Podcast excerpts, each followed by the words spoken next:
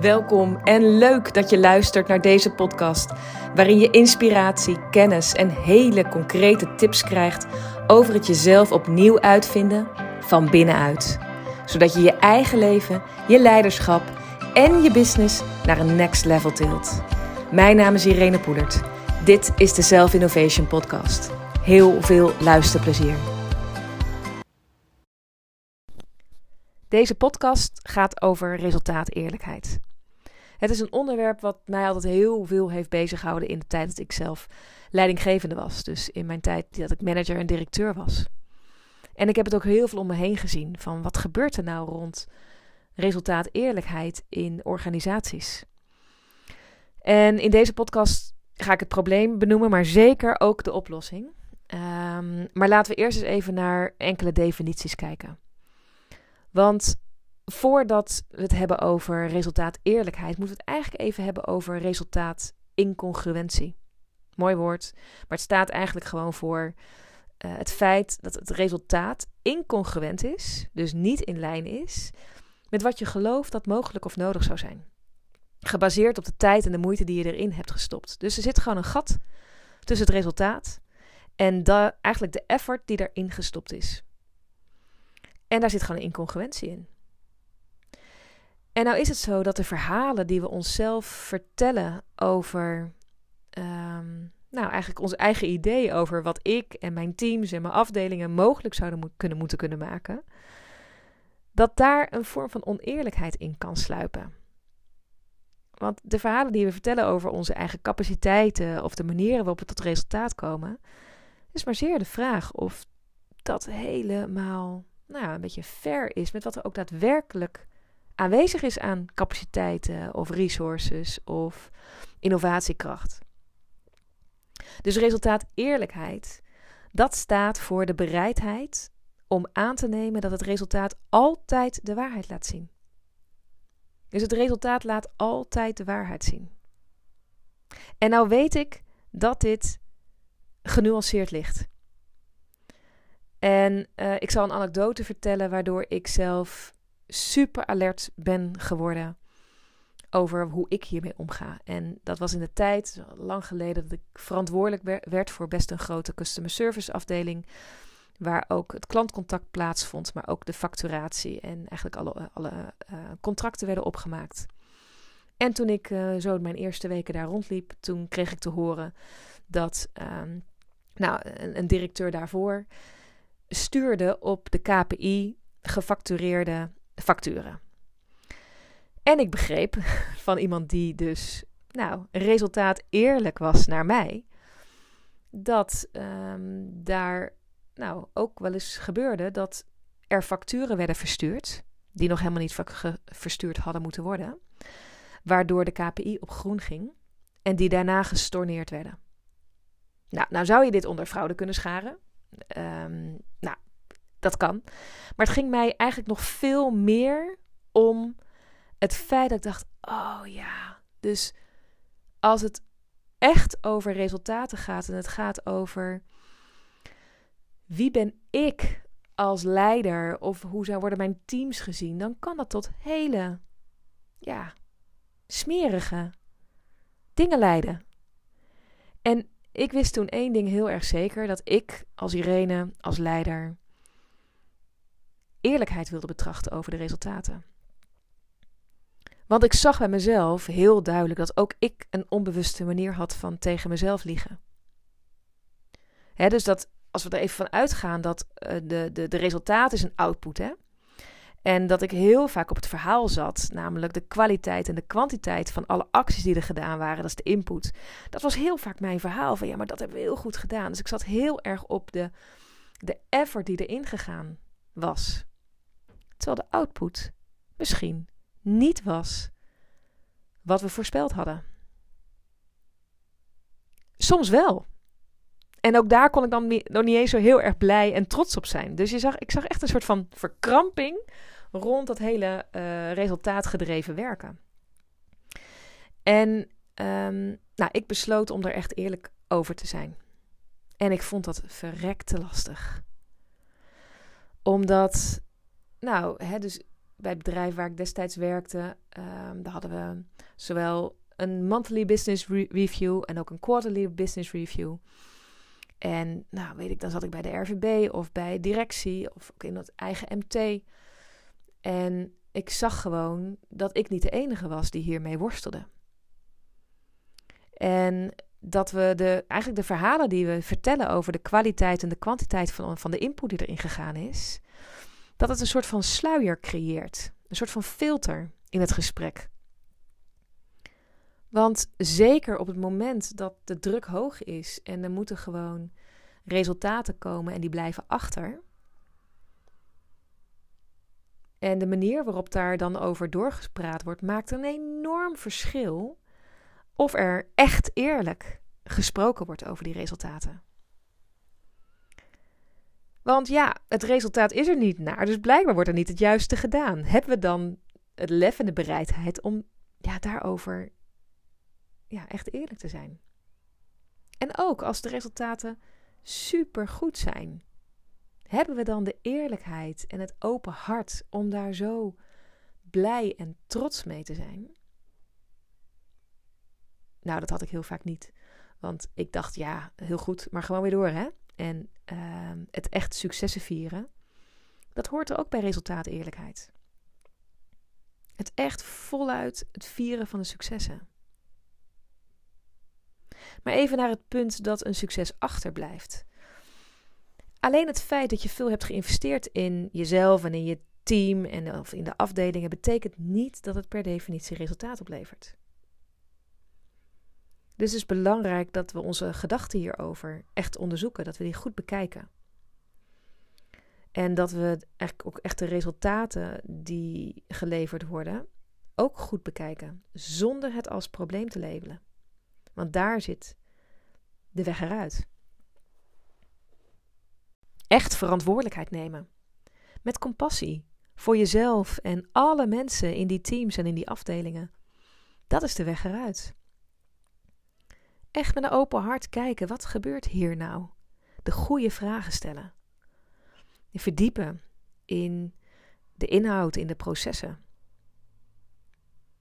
In die vragen stellen en in die eerlijkheid, daar ontstaat ook de ruimte en de nieuwsgierigheid om te kijken hoe het anders kan. Want het werk van de leider is te zorgen dat die evaluatie plaatsvindt om te kijken wat er echt ingestopt is echt en daar de waarheid in te onderzoeken en hoe de resultaten tot stand zijn gekomen. Zowel als het achterblijft qua resultaten, maar ook als het heel erg goed is gegaan. Ook dan is die vertraging en echt die vragen stellen zo belangrijk. Want als er een gap zit tussen wat je gedacht had dat er zo mogelijk zou zijn en het daadwerkelijke resultaat, is het zo belangrijk om te zien wat is hier gebeurd? Maar ook als de resultaten behaald zijn, is het belangrijk om niet gewoon door te stappen naar het volgende, maar ook echt te kijken: wat is hier gebeurd? Want vanuit die vraag komen inzichten die zo relevant zijn voor het vervolg. En dus het identificeren van waar zitten dan de gaps of waar zitten juist de, zeg maar, waar, waar is het gaan stromen, waar is het gewoon gaan werken, dat vraagt kwetsbaarheid. Dat vraagt dat je ja, het spannende vragen op tafel legt. Dat je spannende vragen blijft stellen. Niet alleen maar één vraag stellen, maar ook spannende vragen blijft stellen. En zeker als het resultaat niet behaald is, het doet ook gewoon pijn. Je bent er zelf voor gegaan, de teams zijn ervoor gegaan, iedereen heeft er gewoon echt voor gewerkt. En het resultaat is anders dan gehoopt en geanticipeerd. En dat is gewoon pijnlijk. Het is gewoon balen. Het is gewoon ruk. En die pijn mag ook gedeeld worden. Dat is kwetsbaar. Jongens, we hebben zo hard gewerkt, het is niet gelukt. En voorbij die pijnsteek, daar zit ook een waarheid. En die kan heel bevrijdend zijn van hé, hey, we hebben waarschijnlijk niet gedaan wat wel nodig was geweest. En het doet nog iets anders. Want wat mijzelf opviel in eh, de meetings die ik erover had met mijn eigen teams, in, hè, in weekstarts of ook in de monthly business review of in de quarterly business review, maar ook in de, de hoger gelegen teams, om het maar even zo te zeggen, hè, dus in een hiërarchische organisatie, is dat er eigenlijk heel veel verwarring zit. Hoe doen wij dit hier met elkaar?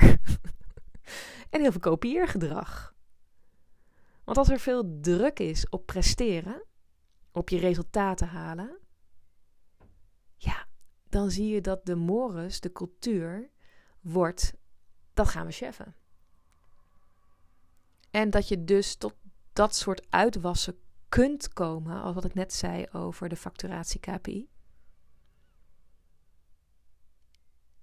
En je zou kunnen zeggen, dat is niet echt authentiek. Dan zijn mensen niet lekker bij zichzelf. Dan zijn ze niet helemaal trouw aan hun echte waarden. En je creëert ermee een cultuur waar het dus gaat over presteren. Terwijl mensen heel vaak van zichzelf, nou, ook best wel een beetje weten waar het schort, of waar het moeilijk was, of waar het gewoon nog niet op, uh, op uh, target zit. En dat is, dat is gewoon verwarrend, toch? Op het moment dat je met elkaar doelen stelt en je behaalt ze wel, of je behaalt ze niet, of je overschrijdt ze, vindt er dan echt een eerlijk gesprek plaats over hoe is dat nou gekomen? Nou, ik heb gezien dat daar heel veel ontwikkeling mogelijk is. Maar wel kan. Want um, als die verwarring een beetje wegvalt en je gaat andere vragen aan elkaar stellen, in plaats van alleen maar op het resultaat te richten, maar veel meer op: hé, hey, wat heb je er nou ingestopt? Waar liep je dan tegenaan? Wat is hier goed gegaan? Wat is minder goed gelukt? Waar komt dat door? Heb je de hulpvraag gesteld? Kunnen we je ergens bij helpen? Dus echt een ander type gesprek. En die waarheid, die bevrijdt. Die eerlijkheid, die resultaateerlijkheid, dat bevrijdt. Maar het vraagt wel even pauzeren. Het vraagt wel tijd nemen. Het vraagt wel echt luisteren naar elkaar. En er is nog iets anders wat daarmee uh, begint te ontstaan. Hè? Dus op het moment dat je die resultaateerlijkheid um, een beetje in het gesprek begint te brengen, dan creëer je ook, en dat is een woord waar al veel over gesproken wordt, maar psychologische veiligheid.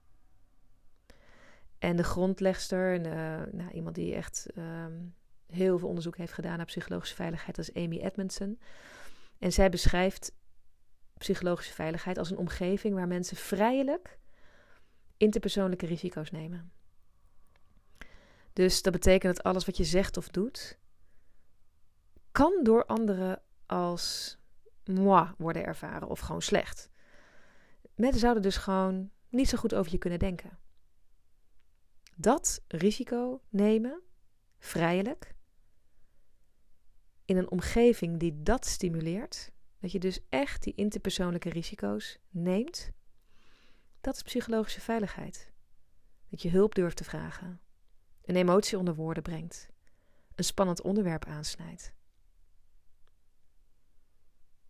En als het gaat om resultaten en over prestatiedialogen en over quarterly business reviews, dan is dit dus cruciaal. Want als het over leiderschap gaat, dat wat echt impact heeft, dan gaat het hier wel over. Delen wat je wel weet en wat je niet weet. Delen wat gelukt is en wat niet gelukt is. Successen vieren, echt trots zijn. Maar ook echt pijn voelen dat het niet gelukt is. En wat ik heb gemerkt zelf in mijn eigen leiderschapsontwikkeling, is dat ik natuurlijk eerst ging opmerken van, oh, ik voel verkramping op het moment dat ik, uh, weet je, zo'n quarterly business review zat, zat voor te bereiden, vaak met collega's samen. En dat ik er altijd een sausje overheen wilde gooien. Een sausje van alle, nou, kwaliteit en kwantiteit van alle acties die er gedaan waren. Ja, en dan was het niet helemaal goed gelukt, weet je wel. Maar we hebben wel heel hard gewerkt. oh man, ik heb dat zo vaak uh, ervaren bij mezelf. En ik wilde gewoon graag de waardering voor het harde werk. En daar is in zichzelf Nog steeds niks mis mee. Maar als het resultaat achterblijft, is het belangrijk om ook dat echt op tafel te hebben en te houden. Dus ik heb veel in mezelf mogen overwinnen in dit stuk. Ehm, wat gaat over de veiligheid in mezelf vinden. En dus dat interpersoonlijke risico gaan nemen om vrijelijk te vertellen en te delen waar ik aan het struggelen was. Waar ik het gewoon niet wist. Want dat hoort ook bij resultaat eerlijkheid. Van jongens, ik denk echt dat we dit en dit en dit en dit echt goed hebben gedaan. Maar het resultaat is er niet naar. Willen jullie eens met me meekijken?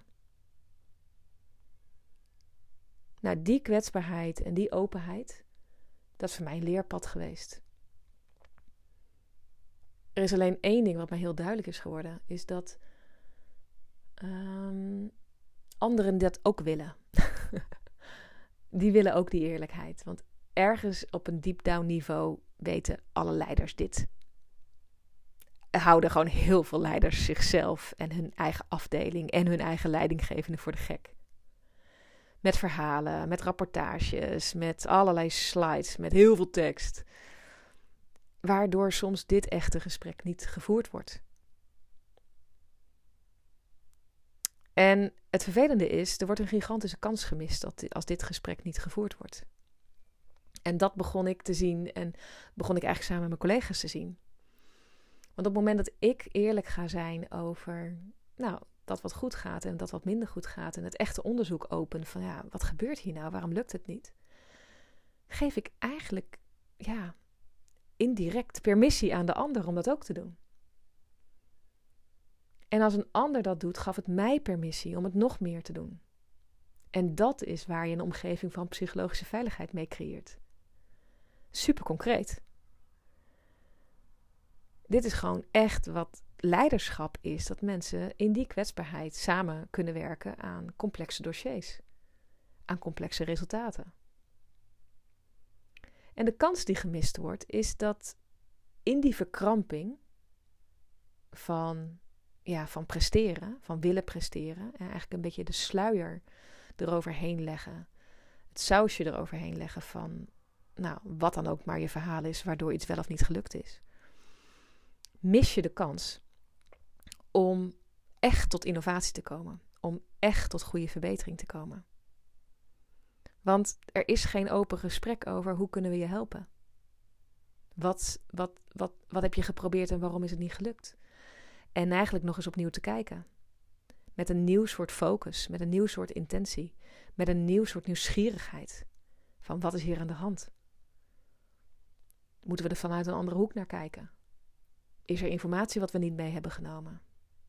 Of, en dat heb ik ook een paar keer meegemaakt, klopt de KPI eigenlijk wel? Want ook dat kan. Een KPI kan al 10, 15 jaar bestaan. Maar helemaal niet meer, ja, eigenlijk kloppend zijn met de strategie of met de doelen die er ondertussen zijn. Dus evolueert de KPI eigenlijk wel mee met de doelen waar we voor staan. Ook dat gesprek heeft in mijn ervaring een aantal keren tot een KPI-wijziging geleid. En nee, daar is business control dan niet altijd blij mee. Want het moet in de rapportages en alles moet het allemaal weer aangepast worden. Ja, het heeft consequenties. Maar het heeft veel meer consequenties als je blijft sturen op een KPI, op resultaten die niet in lijn zijn met de doelen en de strategie waar je de organisatie mee koerst, mee op pad stuurt. Dus als er geen resultaat eerlijkheid is, kom je ook niet op dit soort ontdekkingen uit. En dat is dus echt een gemiste kans. Dus resultaat eerlijkheid heeft vele, vele facetten. Het vraagt allereerst iets van jezelf.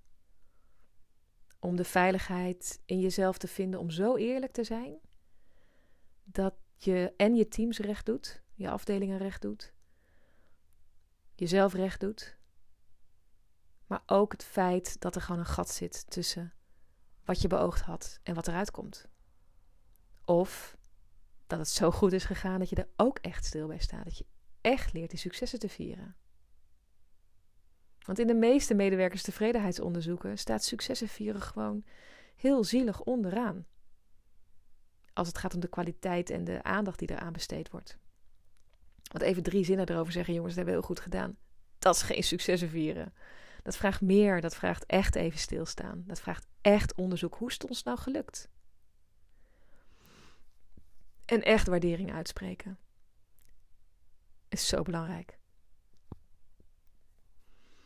Dus resultaat eerlijkheid, ja, het biedt enorm veel ja, openingen om met elkaar een omgeving te creëren waar je en heel resultaatgericht bent. Want het resultaat vertelt gewoon de waarheid. Maar je ook in het goede gesprek terechtkomt over de input. Maar ook over de KPI zelf, waar je op stuurt. En het een omgeving kan gaan zijn waar mensen dus dat interpersoonlijke risico nemen. Om zo eerlijk te zijn dat er daardoor anderen ook steeds eerlijker worden. En er daardoor dus ook echt naar nieuwe oplossingen bewogen wordt. Dus ik pleit ervoor om resultaat eerlijkheid ook echt in leiderschapsontwikkeling te brengen. Als vaardigheid. Dat is namelijk best een hele diepe beweging die je met jezelf maakt. Omdat het echt gaat over ja, authentiek leiderschap. Geen verhalen meer. Geen sluiers opwerpen. Geen sausjes eroverheen, jongens. Dit is het. Althans, voor zover ik het kan zien. En daarmee wordt de ruimte geopend voor anderen om hetzelfde te doen.